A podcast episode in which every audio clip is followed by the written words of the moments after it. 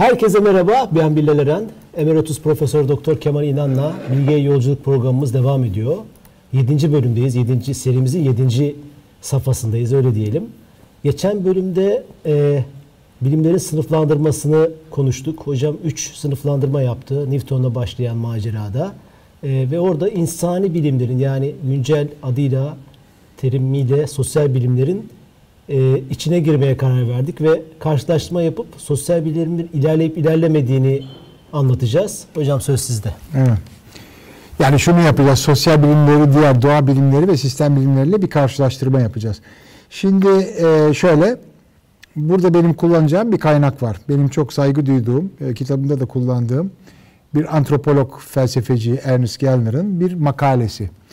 E, sosyal bilimlerde e, Relativizm adlı bir kitabından e, bir felsefi makale gibi gözüken bir makale. Pozitivizm bir yanda, Hegelianizm öbür yanda. Against pozitivizme karşı Hegelianizm diye bir makale. İki felsefi görüşün çarpışması gibi. Hatta şu cümleyle başlar. Her küçük doğmuş bir felsefe çocuğu ya bir minik pozitivisttir ya minik bir Hegelianisttir. Bunlardan biri olarak doğar diye başlayan bir şey. Fakat Gellner çok akıllı bir adam. Ee, bunu bir felsefi kavga yahut bir felsefi farklılık gibi göstermiş. Aslında bilerek ya bilmeyerek onu ben bilemiyorum. O sırada bu konuyu hiç onunla konuşacak bir durum olmadı ee, şeyde. Sosyal bilimlerle doğa bilimlerini karşılaştırıyor bu. Fena. Yani pozitivizm doğa bilimleri gibi oluyor. Hegelianizm de sosyal bilimler gibi oluyor. Şimdi onun ayrıntısına gireceğiz. İkisi Otti'de dinleme farkları. şansı olmuş galiba. Tabii Otti'ye geldi. Orada e, 1900 o 70'li karanlık yıllar silahlar atılıyor, hava pis. Ankara'nın yani en belalı bir zamanıydı. En belalı bir zamanda. E, ODTÜ'de bir konuşma yaptı bu konuda. O konuşmasında da böyle ben büyülen çok hoşuma gitmişti o konuşma.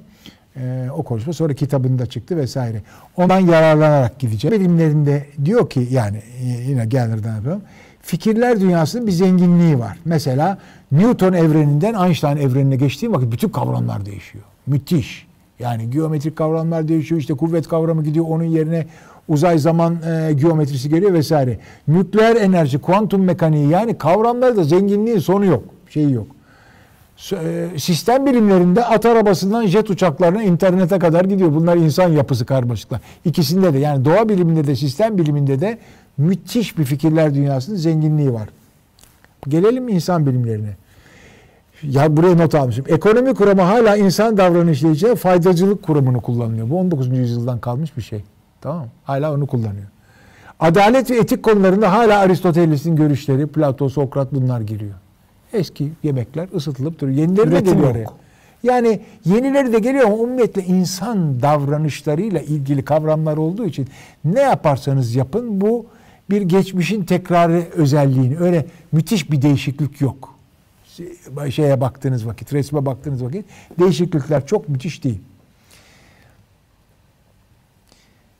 Tarihsel olarak değişen toplumsal ilişkilerin temel insan davranışlarını değiştirip değiştirmediği konusu vallahi çok da değiştirmiyor gibi gözüküyor. Anlatabildim mi? Mesele bu. Bir tanesi bu, bu sınırlı fikir havuzlarıyla müthiş genişleyen bir fikir havuzu var. Teknik kavramların özel matematiksel terim ve yöntemlerle başarılı biçimde kullanılması. Hakikaten baktığınız vakit doğa bilimlerinde genel izafiyet kuramı, relativite, matematiksel formalizmini düşün bir yanda ya da bir çağ, çağdaş telekom sisteminin ya şoförsüz arabanın matematiksel modellerini düşün. Müthiş karmaşık matematiksel modeller var ve bunlar çalışıyor ve buna bağlı olarak da üretiyorsun. Hem teori üretiyorsun hem fiziği açıklayabiliyorsun hem de alet edevat üretiyorsun. Müthiş bir olay var burada. Şuna bağlayabilir miyiz hocam? Lütfen lafınızı unutmayın. Doğa bilimlerinin daha yeni hayatımıza girme, girmiş olması 300-400 300-400 yıl çok az ama bir zaman değil. İnsani bilimlerin, sosyal bilimlerin insanın varoluşuyla beraber. Beraber hepsinde ona, var ona ama yani e, e, doğa bilimlerinde çok müthiş bir ilerleme var. Doğa yasalarında e, ilgili teknolojide de var. Şimdi öbür tarafta ise teknik görünümlü yöntemlerin dekorasyon rolünü aşmaması. Yani çünkü katı yasalar yok doğa yasaları gibi sosyal bilimlerde öyle dayanacağım bir takım yasalar, dayanakların, temellerin çok sağlam değil. Zamana özgür göre irade, değişiyor. Ezgür, zamana göre değişmesinden çok özgür irade de işin içinde olduğu için insan davranışlarının ne yönde gideceğini tahmin etmek çok zor. Bilinmezlikler var. Kolektif özgür irade birbirlerini siyasal olarak etkiledikleri için insanlar bunun da ne yönde gideceğini e, tahmin etmek zor. Onun için yapılan matematiksel modeller umumiyetle pek çalışmaz. İnsanlar da pek kullanmaz ama bazen güzel kitap yazacaksan Ondan sonra bunları dekorasyon olarak kullanırsın ama onun ötesinde bir şey yok. Ee, istatistik kullanılıyor. Ama çok önemli olaylarda istatistikle çalışmıyor. Mesela seçim tahminlerini belki e, e, bir ölçüde yapıyor. Ama ne. Sovyetler Birliği'nin çöküşünü tahmin eden bir tane sosyal bilimci var mı? Yahut Arap Baharı'nın daha olmadan önce tahmin eden? Hiç. Fransız devrimini tahmin eden var mı? Yani hiç mi? Yani birçok şeyi o kadar tahmin etmek Ya çok 15 kolay değil. Temmuz'u. 15 Temmuz'da tahmin edemez tabii. Mesela, mesela. Sizin sevdiğiniz bir yazar var ya hocam Nikolas Talep. Ha, Tahmin tabii. edilemez. O çok güzel der bunu. Siyah kuğu. Siyah kuğu mesela. Tahmin edilemez olayları. Onu- evet tabii. O siyah bu, bu buradaki şey e, Siyah kuğu dinleyici- bu? siyah tabii siyah kuğu. Sosyal bilimler her zaman bir siyah kuğu. Tarih siyah kuğular yapıyor. Şimdi yenilenerek bilgiler, genel izahiyet gibi yeni bir teori daha öte, öteki teorileri aşabiliyor. Yeni kavramlar var. Sürekli yeniliyor kendini bilgi. Eskisini atıyor, yenisini koyuyor oraya. Tamam mı? Çünkü daha fazla açıklayabiliyor. Böyle bir özelliği var. Yeni alet veya sistemleri içeren bilgiler ve kavramlar vesaire, şehirler üzerine yeni bilgiler var. Sistem bilimlerinde de çok büyük bir değişme var. Halbuki öbüründe geçmişin çoğu kez geçmişi tekrar ediyor bilgi. Yani geçmiş yani şu fark ediyor tabii. Orada da değişen bir şey yok demeyelim. O zaman şey haksızlık etmiş oluruz. Ee, değişen bir şey var. Mesela Aristo kozmolojisinden Newton kozmolojisine geçince sosyal dünya da değişiyor. Ama dünya değişiyor. Sosyal bilimin değişmesinden değil. O kutsallar ortadan kalkmaya başladığı vakit o değişen dünyaya ayak uydurma var her zaman doğa bilimleri ve teknoloji e, insanların yaşam ortamlarını değiştiriyor. Ama bu ortamlar içinde insan davranışları çok değişiyor mu? Sanmıyorum. Eski davranışlar. Yani işte o kuvvet, ondan sonra zenginlik, fakirlik, cesaret vesaire buna benzer bütün insan davranışlarıyla ilgili özellikleri ko. Bunların çoğu eskisi gibi. Güzel bir duruyor. tartışma ama doğa bilimleri ve sistem bilimleriyle işte başlayan, temelini oluşturan teknolojinin insan davranışlarını değiştirdiği üzerine artık konuşulmaya başlıyor ya. Hani Öyle mi? Emin değilim. Yani eğer öyle diyorsanız insan davranışları da bayağı temel olarak değiştiyse bundan dolayı o zaman belki öyle şeyler düşünülebilir. Tamam olabilir. O zaman bütün sosyal bilimlerin değiştiğine inanıyor musun? Ben inanmıyorum. Ben bunun böyle olduğuna ben hala o eski yani tabii yeni e, ortama göre insanlar davranışlarını şey yapacaklar ama o davranışların köklü biçimde değiştiğini yani hala çok eski kültürler mesela din mesela Müslümanlık Hristiyan hala bunlar bunların bin yıllık şeyi var geçmişi var hala bunlar davranışların kökeninde e, önemli ölçüde bunun ne olacağını etkileniyorlar, belirliyor. manipüle ediliyorlar ama ko- kökten değişmiyorlar. Kökten o kadar kolay değişmiyorlar. Böl ve fethet şeyi, Kartezyen, meşhur, meşhur böl ve fethet politikası. Doğa bilimlerinde çok çalışıyor. Alanlar bölünüyor, bölünüyor, bölünüyor. O bilgiler ondan sonra tekrar toparlanıyor, yukarıda çıkıyor. Dikey alanlar oluşuyor. Dikey alanlar oluşuyor. Tamam, o dikey alanlar var. Sosyal bilimlerde bu zor. Çünkü sen ekonomiyle uğraşıyorsun, birden farkında ama bakıyorsun ki sosyoloji yapmak zorunda kalmışsın. Davranışsal Tam o sırada hop diye bakıyorum psikolojiye girmişsin. Psikolojide aldı, Nobel aldı adam Kahneman. Şeyde e, ekonomi Nobel aldı, psikolog. Çünkü bir boşluğunu gördü. Sürekli sosyal bilimlerde farklı dediğimiz alanların hepsi iç içe. Yani bölüm, çok kolay böyle bir şey var. Kaldı ki birçok nedenlerde ideolojik bölünmelerden dolayı kavga var. Biri kabul etmiyor öbürünün bölme usulünü vesaire. Sosyal bilimlerde. Gri alanlar var yani çok fazla. Şimdi asıl e, tabii kültür bağımlı, şey kültür ötesi bilgi. Orada da şeyler var, istisnalar var. Mesela mimarlıktan bahsedeceğim vakit bu sistem bilimleri ama mesela bir, bir kültüre bağlı mimari değişebiliyor. Doğru. Mesela burada bir örnek var. Mesela fizik, kimya gayet objektif. Hiçbir kültürle ilişkileri minimal. Çok az. Orada öyle bir şey yok. Öyle bir etkileşim bir şey de yok. Şeyde de çok fazla yok. Hani diyeceksiniz ki araba markaları kültürü biraz taşıyor mesela ama marka işi dış estetik görünümü vesaire. Halbuki bütün teknik e, ayrıntılar vesaire. e, Hepsi aynı fizik kültür- kuralını kullanıyor. Kültür, kültür orada çok yani o ülkenin kültürünün onun üzerinde çok fazla etkinliği yok. Halbuki sosyal bilimlerde kültür çok fark edebiliyor. Çünkü kültür demek o toplumun yaşam biçimlerini vesaire yaptığı için insan davranışlarını da, insan etkileşimlerini de etkilediği için ister istemez kültür işine için içine giriyor. Ha, şimdi en önemli şeye geldik burada. Onun için bunu biraz daha açalım. Bilimsel incelemede nesne ile öznenin arasındaki ilişki. Şimdi bir- herhangi bir bilimsel araştırma, bir inceleme yaptığınız vakit bu incelemeyi yapan bir özne var. Bu bir kurum olabilir, bir kişi olabilir. Bilim adamı yahut bir kurum diyelim. Bir de incelenen nesne var. Doğa bilimlerinde incelenen nesne, doğa bilimi olduğu için, doğanın bir cansız parçası. Yahut bir kavramı, yer çekimi, kara delikler mesela aklıma gel. Yahut elektromanyetik kuram. Tamam buna benzer bir doğanın bir parçası. Orada bir takım doğa yasaları var. Sen belki yeni bir doğa yasası keşfetmeye çalışıyorsun. Ama sen yer çekimini ölçtüğün vakit senin yer çekimi hakkındaki görüşlerinden yer çekimi farkında değil. Yani o incelenen nesne inceleyen özneden tamamen bir haber. Bir etkileşim yok. Hiçbir etkileşim yok. Tek yönlü etkileşim var. Yani Tek yönlü. özne kullanıyor doğayı şu veya bu şekilde kendi Doğa bilimlerinde böyle. doğa bilimlerinde ve sistem bilimlerinde Sistem de böyle. bilimleri. Sistem bilimlerinde de böyle. Yani incelenen şey insan davranışlarını içermediği sürece ki insan biliminde var. Böyle bir şey yok. İnsan bilimlerinde her nesne aynı zamanda bir de özne. Her nesnenin bir özne çünkü. incelenen yine bir insan toplumu yahut insan yahut neyse olduğu vakit inceleyen de incelenen de birer özne. Özneden nesneye geçiş ki objektifliği sağlayan olay nesnenin cevap verememesidir. Ona ona karşı bir tepki koyar. Tepki koyabildiği anda olay bir bir çeşit oyun oluyor. Eğer oyun kuramına gireceksek.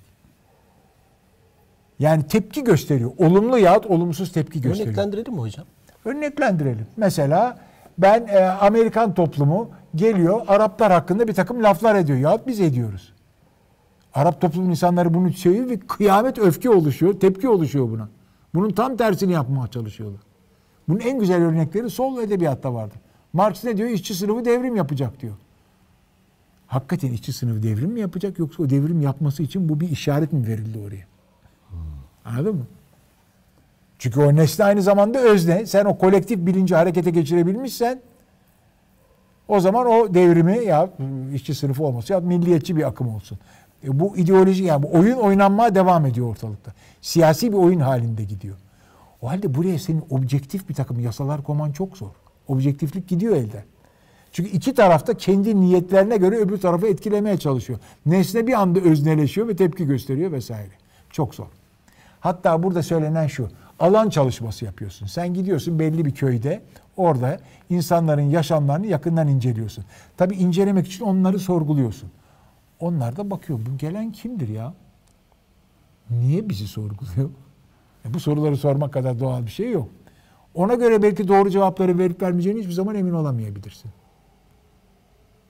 Her zaman bu olanak var. Her zaman nesne özneleşebiliyor. Sosyal bilimler. Sosyal bilimlerde, insan bilimlerinde. Nesne her zaman, öbür tarafta bu yok. Onun için çok daha objektif ve asıl farklılığı budur. Birazdan buraya daha ayrıntılı bir şekilde gelebiliriz. Ama şey bu, aradaki önemli bir fark bu. Şimdi doğa bilimi ne yapıyor? Aslında sosyal bilimlerde ben ilerleme olduğuna inanmıyorum. Yani büyük bir ilerleme yok. E, Olduğu gibi gidiyor. Yani aslında bu kötü bir şey değil, iyi bir şey. Bunu söylemeye çalışacağım. Çünkü umumiyetle bilimin her zaman, sistem biliminde de doğa biliminde de doğayı kontrol altına almak istersin. Senin kendi kontrolüne, doğayı kontrol. Kendi çıkarlarına göre insanlar doğayı kontrol etmek ister. Zelzeleye karşı, fırtınaya karşı korumak yani insanların çıkarlarına göre oluşmuş aygıtlar, teknolojiler üretirsin doğayı kendi istediğin şekilde yönlendirmeye çalışırsın. Bazen istemediğin şeyleri de yaparsın. Doğayı duman da edebilirsin. Ayrı mesele. Ama yani doğayı amaç odur. Şimdi ve bunu yapabilmek için de öngörmek. Yani e, nedenselliği anlamak ve onu kullanmak. Ben bunu yaparsam o da şu, doğa da şu şekilde bir e, davranışa girer. Davranış değil de bu tabii bu şekilde doğa yasalarına göre şu olur bu olur diyorsun. Şimdi aynı olayı sen insan bilimlerinde düşün. Bir özne grubu bir başka insan toplumunu kendi iradesine göre biçimlemeye çalışıyor. Bu çok olumsuz bir kelimedir. Ee, social, toplumsal mühendislik olarak bilinir ki çok Evet. kötü bir şey olarak bilinir. çok Ama gayet şeyler. güzeldi. Kötü olması da gayet doğal bir şey. Sen onları kendi kontrolün altına almak istersin. Mühim olan sosyal bilimlerde bu da tabii sosyal bilimlere çok ciddi bir ahlaki yük yüklüyor. Sosyal bilimlerde önemli olan onların geleceğini belirlemek ve oraya doğru itmek değil. Onu öngörüp onun öyle olmasını sağlamak değil. Bu zorbalıktır. Sosyal bilimlerde başka bir topluma yahut insana ne yapabileceğini anlatabilmek, kalanı da onların özgür iradesine ve o etkileşime bırakmaktır. Çok farklı bir olay. Doğa bilimlerinde böyle bir şey yok. Ben yer çekimini öğretiyorum da o da bana göre şunu yapalım böyle bir şey yok ya doğa bilimlerinde sistem bilimlerinde de yok. Ben kurumu kurduysam kendi irademe göre kurdum bir şekilde çalışır. Ama insan bilimlerinde bunun olması lazım etik bir şey tarafı varsa. Bu çok farklılaştırıyor İsa abi. Yani mesele orada gayet ince öngörüler yapıp da ona göre biçimlendirmek değil bir toplumu. Bu doğru değil. Bu yapılmaya çalışılıyor ama. Bu Çeşitli yapılma teknolojiler- tabii bu siyasi mücadelenin en büyük şeyi bu. Yani bir özneler grubu diyelim ya bir özne başka şeyi nesne olarak görüp onu kendi iradesi altına almaya çalışıyor. O tarafta ona direniyor. O da bir ikinci özne olduğu için o da ters. Buna tepki olarak bir başka şey yok. Bu çelişki hali. Müthiş kavgalar. Bazen de uyum hali de olabilir. O da ayrı mesela. Uyum ya çelişki. Ama her durumda bu olayı yani olayın mantığındaki farklılığı anlatmaya çalışıyorum. Doğa bilimlerindeki doğayı kontrol altına almak sosyal bilimde aynı şey iyi ki sökmüyor. İyi ki sökmüyor. İyi ki sökmüyor. Sökse fecaat olurdu. Sökse bir şey. Mesela bazı dallarda bu tarihte antropoloji böyle bir olay. Çünkü ilkel bir topluma gidiyorsun. O toplum senin niyetlerini anlayacak bir bilgiye sahip değil. Onun için o bir nesne olarak sana bir özne olarak davranmadığı için senin e, onun üzerindeki analizin çok daha objektif görünebiliyor. Fransızlar gittikleri vakit Güney Afrikalı, e, Güney e, Amerikalı yerlilere onların yaşamlarını inceledikleri vakit gayet objektif bir görünüm olabiliyor. Çünkü yerliler ne olduğunu farkında olmayabilir. Daha ilkel bir durumda oldukları için. Onun için antropoloji bu tür bir şey. Antropoloji ile sosyoloji arasındaki fark ne? Ben çok merak ediyorum. Sosyoloji kendi toplumun olduğu için biliyorsun o nesne aynı zamanda özne. Anlatabildim mi? Antropoloji de ise bir an için onun nesne muamelesi yapıyorsun. Ve o şekilde bir bilimsellik oluşturmaya çalışıyorsun. Anlatabiliyor muyum? Anladım. derdim?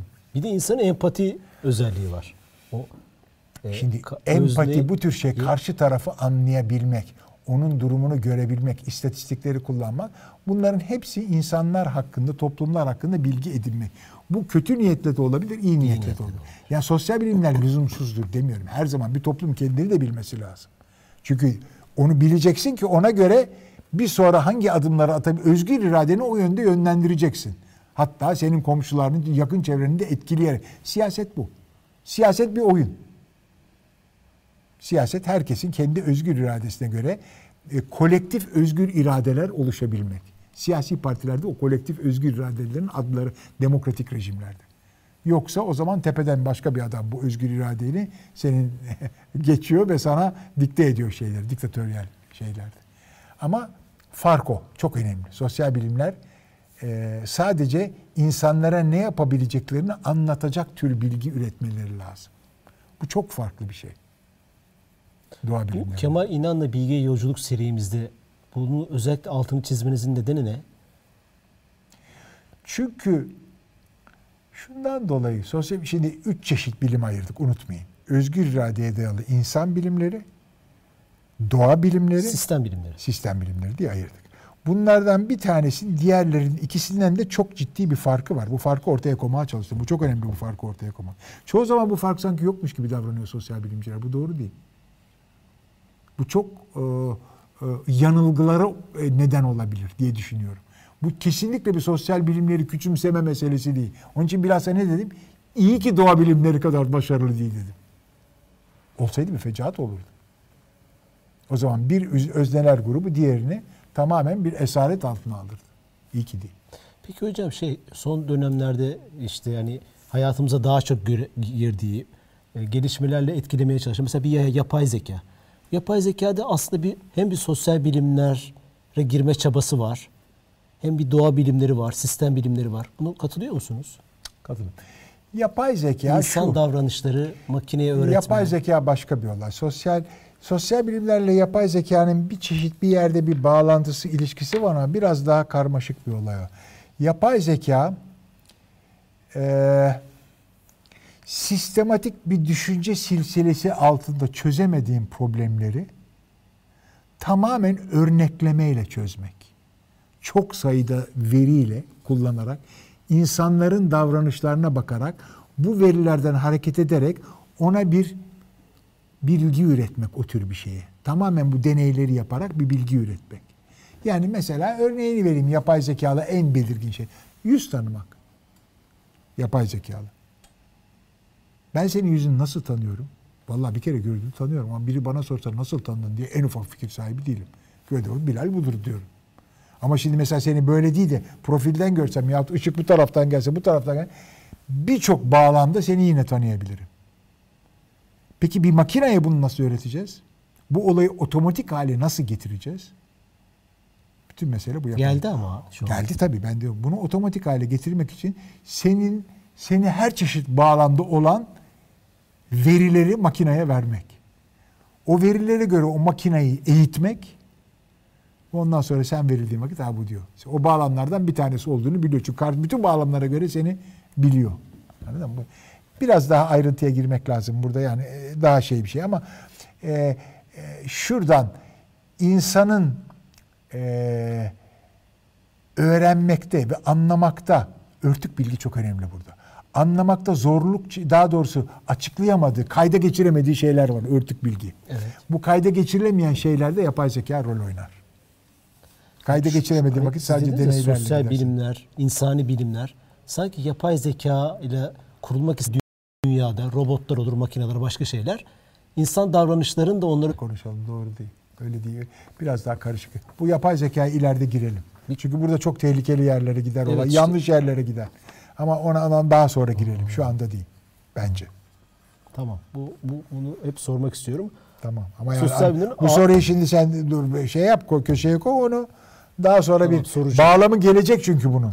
Bu arada bu, bu bölümleri takip eden e, izleyicilerimizin mutlaka soruları olacaktır, eleştirileri olacaktır, yorumları olacaktır. Oo, Lütfen bunları da bu videoların altına yorum olarak yapmayı unutmayın. En sonunda bu serinin en sonunda bütün bu soruları, eleştirileri, itirazları veya katkıları hocama soracağım. E, ve bu, bu konular üzerine de konuşacağız. E, katıldığınız yerler olur, katılmadığınız yerler olur, çıkışlar olabilir. Tabii. O, o zaman o bil- bir şeyi de yaptıktan sonra sınıflandırmayı e, sosyal bilimlerindeki ilerlemeyi ve ahlaki yönü bunları da konuşmuş olduk. Bu çok kıymetli oldu. Bir dahaki bölümde yani 8. bölümde e, teknolojik patlama insanlığın geleceği jenerik başlığında herhalde doğa bilimlerine, büyük fizik, fizik final kuram onlara gireceğiz sanırım. Doğa biliminin aldığı geleceğe yönelik biçimler. Yani doğa bilimlerinin hangi yönleri hızlı ilerliyor, hangi yönleri daha yavaş ilerliyor. Doğa bilimleri. Ona bir kere gireceğiz. Büyük fizik dediğimiz olay orada girecek. Ondan sonra da birkaç tane, iki üç tane teknolojik fantezi, yani teknolojide çok büyük bir patlama var. Bu patlamalara örnek olacak fanteziler. Yani daha şimdi olmamış ama olabilecek. Yahut olmayabilecek. Onları da eleştireceğiz. Böyle fantezi olabilir mi Ütopik, olamaz mı? distopik şeyler var. Evet, ütopik distopik şeyler. Evet, aynen öyle. Onlara girmiş olacağız. Onlara gireceğiz bir daha sefere. Hocam o zaman teşekkür ediyoruz. 7. bölümü de bitirmiş olduk. Haftaya 8. bölümde görüşmek üzere. İyi akşamlar, iyi hafta sonları.